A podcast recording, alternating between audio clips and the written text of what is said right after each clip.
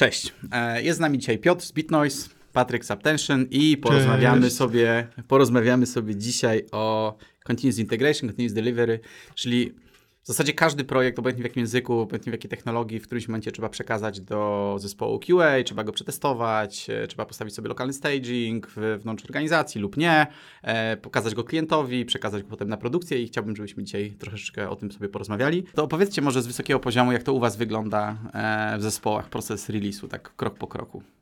To może Piotr. To może ja zacznę. To może ty zaczniesz. Mamy, mamy taki główny proces releasowania, którym mamy w większości projektów, którego używamy.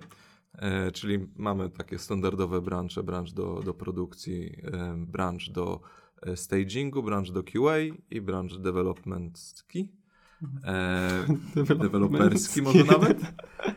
E, i, I tak, e, z reguły do deweloperskiego brancha nie mamy ustawionego środowiska. Jest to ten branch, na którym pracują programiści, do którego tworzą pull requesty i tam jest wszystko merge'owane. E, kolejnym branchem, jakby poziom wyżej jest branch QA i tam już ręcznie puszczamy w momencie, kiedy chcemy coś przekazać do testerów. Z reguły jest to automatycznie, w sensie natychmiast po merge'u, od razu też merge'ujemy do QA, ale ale jakby można tym sterować ręcznie. Automatycznie, manualnie. E, automatycznie, manualnie. Pod kontrolą. E, dokładnie. Później kolejny branch, którego używamy, to jest branch staging i jest to branch z reguły, który, mm, którego używamy do dem dla klienta. I albo klient dostaje po prostu adres do tego środowiska, albo po prostu to jest branch, z którego prezentujemy w trakcie dem co, co tygodniowych czy co dwóch tygodniowych. No i potem mamy branch master czy main, E, jako branż produkcyjny. E, oczywiście, że merge do brancha równa się z odpaleniem od razu. To właśnie do tego chciałem dojść. Tak, e, i buildy, buildy mamy robione przez Caprovera. Jakby tu też przeszliśmy drogę od Jenkinsa przez Doku i właśnie do Caprovera, który też wykorzystuje obrazy dockerowe. On jest spięty z Bitbucketem mhm. i na, na pushu, na odpowiedni branch na Bitbuckecie odpala się build na Caproverze i aktualizuje się środowisko. Także ten proces jest już automatycznie niemanualny. Mhm. A powiadomienia wstecz on obsługuje, żeby Bitbucket tam ten gwiazdeczkę, e, gwiazdeczkę ptaszka dostał, jak się wywali tam ten e, drugi build? Obsługuje, natomiast tu mamy, e, mieliśmy też trochę, trochę wyzwań związanych z Wercelem jeszcze, który wprowadził płatne plany i, i, i żeby ktoś mógł striggerować builda na Wercelu, to musiał mieć konto wykupione na Wercelu. Żeby tego uniknąć, to to, to robiliśmy jakieś obejścia. E, no, natomiast, natomiast tak. Mhm. Jak u Was wygląda branching? Troszeczkę inaczej. E, nie mamy branchy per stage. Nie? E, jeśli chodzi o nazwy, to też jest QA stage, mm. produkcja wiadomo. Jeszcze czasem dochodzi do tego preprodukcji, ale to już tam w wyjątkowych sytuacjach. Yy, z tym, że założenie jest takie, że każdy branch mógłby być w dowolnym momencie wypchnięty na dowolnego, dowolne środowisko. Nie mówię, że tak jest oczywiście, ale zdarza się bardzo, że są tak z QA, nie? Czy na przykład ktoś ma feature branch i ich tam powiedzmy zmienił infrastrukturę, tą infrastrukturę trzeba wypchnąć, no to, to yy, w przypadku właśnie takich pojedynczych branczy gdzieś tam QA jest trochę trudniej z, z wypchnięciem, nie? Bo to mhm. trzeba gdzieś tam jakoś synchronizować, stworzyć jakiś tymczasowy QA, który gdzieś tam wychodzi. E, i e, raczej staram się, żeby po prostu te, te, parametry konfiguracyjne, nie, bo najczęściej z tego wychodzi potrzeba, były jako zmienne środowiskowe. Nie? Mhm. Dużo korzystamy z AWS-a, e, przede wszystkim jakby do, do, do deploymentów, więc te konfiguracje gdzieś znajdują się w, w Systems Managerze, Parameter Store. W momencie, mhm. kiedy build się odpala, no to zaciąga te zmienne środowiskowe na, bo są dwa rodzaje, nie? Runtime'owe i są te, te build-time'owe. Mhm. E, więc zaciąga sobie i jakby operuje w tym środowisku QA. Czyli teraz coś, co będzie wypychał, powiedzmy, to jest takie uniwersalne, no to będzie wypychał na środowisko QA, no bo tak mu okażą te jego zmienne środowiskowe, które tam, myślę, nie wiem, to e, taka odpowiednia rola, tam mhm. odpowiednie nazwy serwisów i tak dalej, nie? W ten sposób. E, I mm, jeśli chodzi o, o flow, e, staramy się, bo to też zależy od projektu oczywiście, nie? Ale staramy się, żeby był ten tak zwany GitHub Flow, mhm. czyli mamy tylko mastera, feature branch od mastera z powrotem do mastera i w zasadzie brak jakichś tam dodatkowych release branchy, brak yy, tych develop branch i tak dalej. Nie wszystko jest po prostu na masterze, traktowane jak jest na masterze, to można to wypchnąć. Mhm. Yy, QA automatycznie się zawsze wypycha, nie? Czyli właśnie merge prosto do mastera, natychmiast odpalany deployment do QA e, jest traktowany jako, jako świeży, troszeczkę inaczej z apkami mobilnymi, bo apki mobilne raczej automatycznie manualnie, bo robimy builda na taga, nie? Mhm. E, I tam, tam, żeby świadom, bo tam wiadomo, jakby, jakby wszedł build przy każdym komicie tyle, co one trwają, to po prostu się no, robi zasobów, się, się, robi taka kolejka, że, że później, a szczególnie, że buildery mobilkowe mają określoną liczbę workerów, nie? E, to, to się zapycha, nie? I nagle chcesz zrobić jakiegoś fixa na produkcję, jakiegoś takiego sideloadowanego i nie możesz, musisz poczekać na 40 buildów QA-owych, okay. nie? Dlatego to, to, jest, to jest na, na taga, nie? Mhm. E, wszystkie wersje, które idą na, na produkcję, na QA, e, nie, na, na stage, na, na, na produkcję są, są tagowane, nie? Czyli mhm. po prostu tam akurat używamy ostatnio standard version, jest taka paczka, która potrafi, jeśli komity są odpowiednio tam no, opisane, że z, z początek komita gdzieś tam oznacza jakiś mhm. tag, no to on produkuje changeloga z tego. Nie? I mhm. zrzuca go, taga, puszujesz to na mastera i on wtedy, wiadomo, każdy tam builder już może być skonfigurowany, czy odczytuje tego taga, czy nie. A jeśli chodzi o narzędzie, jakie używamy, to do takiego codziennego pull requestowego, no to też Bitbucket Pipelines. Mhm I to testy, lintery, jakieś mhm. tam build z, z zmiennymi środowiskowymi testowymi, żeby nie szło to na żadne, tam nie było związane z żadnym środowiskiem. A jeśli chodzi o sam dalszy etap, czyli jeśli już wypięcie tego na środowisko prawdziwe, to na code buildzie, czyli to w AWS-ie. Trochę wychodząc z takiego założenia, mam takie że, założenie, że jak e, chcemy offboardować klienta, to że on zostaje z tym CIT-CD, nie? Mhm.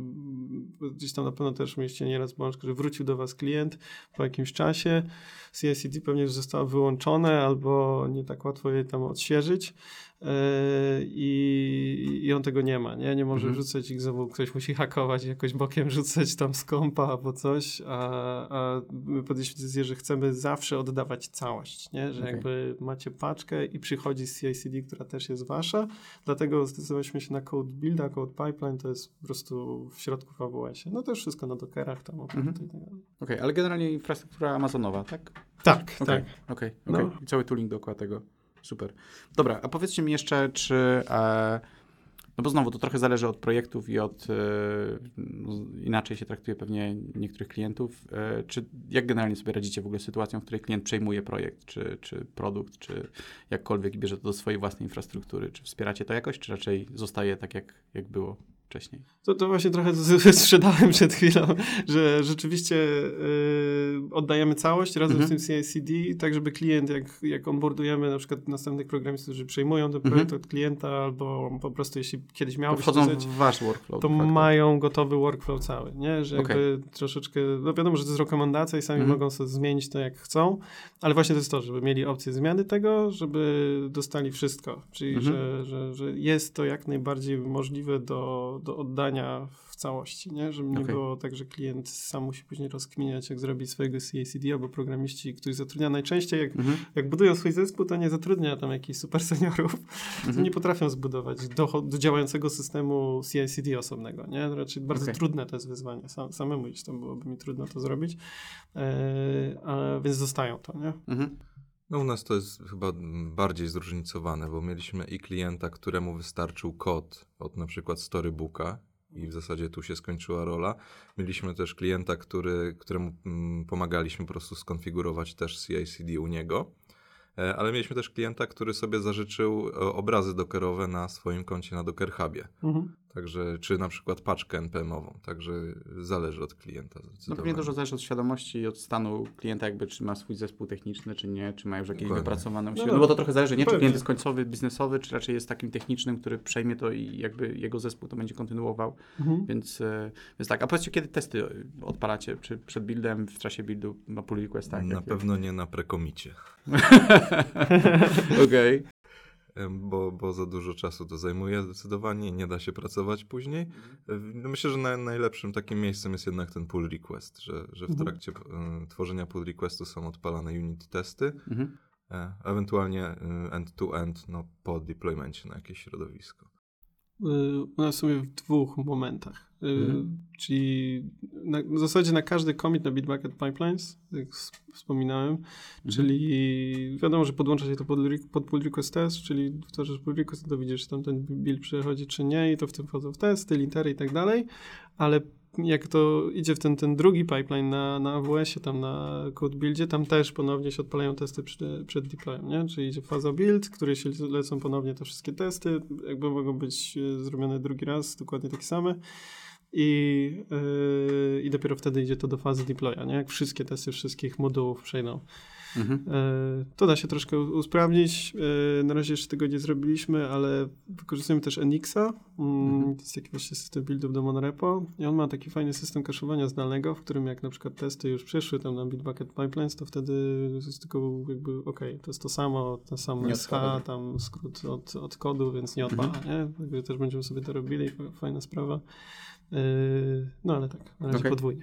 Coś jeszcze ciekawego, co chcecie powiedzieć na temat na przykład, nie wiem, Blue Green Deployment albo, albo feature flagi, cokolwiek, co wam przychodzi do głowy, co warto wprowadzić? A... Feature flagi mieliśmy w dwóch projektach, ale to były takie customowe mocno rozwiązania, typu albo config, z którego, który był ifowany mhm. później w kodzie. Mhm. E, no, także raczej, raczej w tym stylu, ale ogólnie nie przydają nam się feature flagi, bo raczej no, mamy scope projektu z reguły wyznaczony. Mhm. No i jeżeli zmienia się scope, to po prostu zmienia się jakby kolejność tych rzeczy, które implementujemy i, i to, co jest, to jest przekazywane klientowi. Nam feature flagi się przydały właśnie myśląc o tym całym githubowym flow. Znaczy, nie powiem, że robimy to tak mhm. uniwersalnie w całej firmie, bo to tak naprawdę dopiero zaczęliśmy tego używać w zeszłym roku. E, ale wyszło całkiem fajnie. Znaczy, oczywiście jest tak, że cały zespół musi cały czas myśleć tymi feature flagami. One są tam wszechobecne i, i one muszą być włączone w cały ten proces.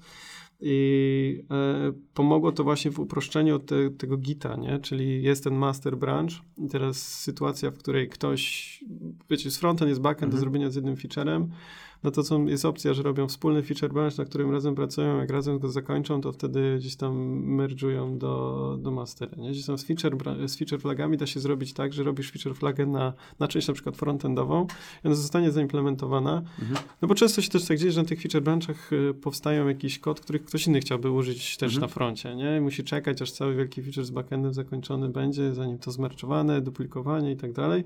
No tutaj możesz domerczować to praktycznie od razu, jest dosłownie if, że nie możesz nawigować do tej strony, tak samo, nie? Z tą feature flagą, że, y, że blokuje, e, ale kod jest w repo jakby taki stabilny, szybko trafia mhm. tam, nie? Y, I e, tak samo jak robimy te, te releasy właśnie gdzieś tagując, no to wtedy wybieramy, czy jakby on jest gotowy, no to go włączamy. Mhm i ponownie w kolejnych gdzieś tam sprintach, jak już y, minie gdzieś tam powiedzmy nie wiem, mhm. 3 tygodnie do 4, no to jest mały task w, w sprincie, żeby usunąć feature flagi, które są nieaktualne. To jest bardzo ważne, bo inaczej się robi no właśnie, straszne spaghetti. Bałagan możesz zrobić w kodzie. Więc po prostu taski sprzątające. Mhm. Yy, ale no przyznam, że gdzieś tam najbardziej przydaje się to na produkcji, nie? Czyli jeśli wspieramy produkcyjną apkę, mhm. no to mieć możliwość na to, żeby e, jakby dewelopować cały czas mhm. i nie robić jakichś tam code freeze'ów i, e, i męczyć się z tym, z tym gdzieś tam czerpikowaniem jakichś bugów i tak dalej, no to, to, to pomaga, że po prostu jakby cały czas myślimy o tym masterze, jakby mhm. nie muszę myśleć, czy tam jest release branch, czy tam jest jakiś develop, czy, czy ktoś jakiś mhm. walczy z, z jakimś tam bugiem na jakimś innym side branchu czy coś takiego. Mhm. Można coś włączyć, wyłączyć. Zdarzało się, że znaleźliśmy buga w jakimś dużym featureze, no i co, wyłączamy i włącza się stale, nie? Mhm. Sam automatycznie. To jest, to jest fajna rzecz właśnie przy dużych produktach, nie? Jeżeli wspierasz coś przez kilka tam miesięcy czy lat, no to jakby Ale bez tego to, ciężko by było koordynować. Od, od początku, kiedy mhm. jeszcze nawet malutki, nie? I pozwoliło to po prostu częściej deployować. Mhm. Że, że jakby wiadomo, to, to klienta też trzeba nauczyć tego, że, mhm. że chcemy deployować kilka razy w tygodniu. Mamy sprint, który trwa dwa tygodnie, nie robimy dopiero po dwóch tygodniach mhm. kolejnego deploya wielką paczką, tylko no co, no skończyliśmy, mhm. go od razu. Okay. Jakby jest przetestowany oczywiście. tylko to też nie rozwiązuje znowu wszystkich, wszystkich problemów, bo jeżeli masz feature, który wymaga zmiany konstrukcji bazy danych i migracja już przejdzie, no to też już jakby no nie ma odwrotu, nie? więc nie wszystko można tak prosto No to e, dlatego mówię, nie, że to jest y, myślenie gdzieś tam, raczej jeśli chodzi o feature flagi, bardziej nam się sprawdzają, jeśli chodzi o apki mobilne na przykład, to na froncie niż na, na backendzie. Na backendzie jest ich zdecydowanie mniej, e, ponieważ jakby myśląc o apkach mobilnych, one i tak muszą być wstecz kompatybilne, Mhm. zawsze. Mhm. Zawsze muszą być, bo mm, nie można zmusić wszystkich do tego, żeby używali najnowszą wersję, gdzieś tam to też nie do końca jest zgodne z tymi wszystkimi politykami tych storów. E, można robić, robić różne rzeczy, żeby, żeby ich tam zachęcać do, do aktualizacji. E, No ale jeśli wychodzimy z tego, że i tak musimy robić wsteczną kompatybilność do, do iluś tam wersji, no to, to przychodzi samo z siebie. Czyli zawsze tworząc Mhm. nowy y, feature, który zmienia backend znacznie, czy czy on nie psuje poprzednich, że jak masz na tyle zmodyfikować bazę danych, no to ona wciąż musi wspierać tamte, to robimy jakieś, na zasadzie, że jak jest pole w GraphQL-u, które na przykład już nie będzie istniało, no to wtedy tworzy się sztuczne, które robi jakiś tam proxy czy relay do, do nowego pola, nie? Mhm. zdarzały się takie rzeczy yy, i no to jest po prostu to, nie? Że, że tak bardzo trzeba aktywnie i dość odpowiedzialnie o tym myśleć.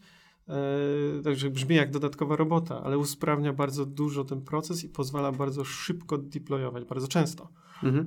Deweloperzy czują się zdecydowanie pewniej, nie? Im bliżej są produkcji, to tak jak sobie myślę, nie? Mhm. o tej odległości programisty od produkcji.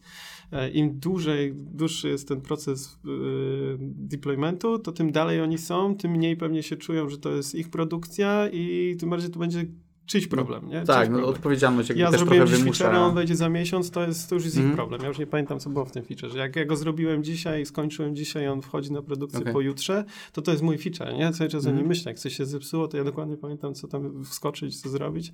Tak samo osoba, która reviewowała pull request, nie? To w tym pomaga i, Okej. i powoduje, że bug się pojawi, no to, to mamy cykl naprawy tego w stylu 24 godziny określony storem, a nie tydzień czy, Mhm. czy, czy dwa tygodnie. Klienci są też zadowoleni, nie? Super. Marcin. Natomiast w kontekście Blue-Green e, deploymentu to mamy częściowo, bo Caprover e, jakby builda robi niezależnie od, e, od działającej aplikacji, czyli mm, proces builda, budowania obrazu dockerowego musi się udać. Mhm. Dopiero wtedy jest uruchamiany nowy kontener i przełączany. To Tak. w Amazonowej infrastrukturze jest tak samo pewnie, nie? Że najpierw podnosisz kontenera. Tak, tak. To znaczy Blue Green Deployment jest bardzo dużą, skomplikowaną Mhm. sprawą, której nigdy nie udało nam się osiągnąć w pełni i mało kto jest w stanie rzeczywiście zrobić to w pełni, bo, bo tam dochodzi jeszcze sprawa bazy danych, nie? Migracji Mhm. bazy danych. W momencie, kiedy wprowadzasz migrację bazy danych, no to No, backend nowy, czy który jeszcze nie zdążył wejść, masz tą chwilę przerwy, że Mhm. może się coś tam wywalić, nie? E, utrzymując też tą kompatybilność z poprzednią wersją Mhm. apki, no to jeszcze tyle da się, że te poprzednie gdzieś tam działają, no wejdzie nowa, możesz sam zrobić opóźnienie rolloutu do momentu, Mhm. aż backend nie wyjdzie. No da się zrobić, nie? Że, że po prostu na stronę, tak jakby w ten sposób, bardziej manualny to jest. Ale jeśli chodzi o bazy danych, no to tyle, co udało nam się osiągnąć mm, na AWS-ie, to y, dodaliśmy health checki, które sprawdzają, czy migracje bazy danych przeszły. Czyli Okej. kontenery nie wstaną, póki nie powie im, y, którzy nie zostaną same, jakby same nie znajdą informacji o tym, że jest pusty Mhm. plan wykonania migracji. Czyli nowy kontener backendowy będzie po prostu próbował się restartować, po prostu umrze, nie? Mhm. Póki nie, nie przejdzie, wystartuje się nowy, przeszły migracje, nie przeszły, no to ten. Czyli Okej. sytuacji, w której się wypieprzą migracje, nigdy nie pójdzie nowy backend na, na Mhm. ten. Na no to znowu jest tak, że im więcej warstw, pewnie nie już więcej integracji, tym trudniej tym, tym zarządzić i Tak- utrzymać to, no bo także- to byśmy chciał. Tyle mamy, Mhm. ale Blue Green deploymentami tego nie nazwiemy, bo to rzeczywiście Mhm. trzeba by robić jakąś migrację bazy, gdzieś tam jakieś replice, zmieniać Tak. e, Przepinać adresy, dopiero. przepinać i synchronizować te dane, które Mhm. się pojawiły na tej jeszcze chwili, która No była tak. pomiędzy, nie? Także na pewno nie robimy zero downtime'ów. Powiedziałbym, Mhm. że, że za trudne, nie? Dobra, a powiedzcie jeszcze co po release'ie, czyli e, czy używacie jakiejś tuli do crash reportingu albo jakieś tam... Centry. logów? Okej. Centry też, no. Okej. Używamy centry, centry się rozwija Sprawdza bardzo się? fajnie. Zdecydowanie. Ostatnio w ogóle takie super rzeczy proponuję, jak e, N plus 1 błędy wykrywa w GraphQL-owych zapytaniach.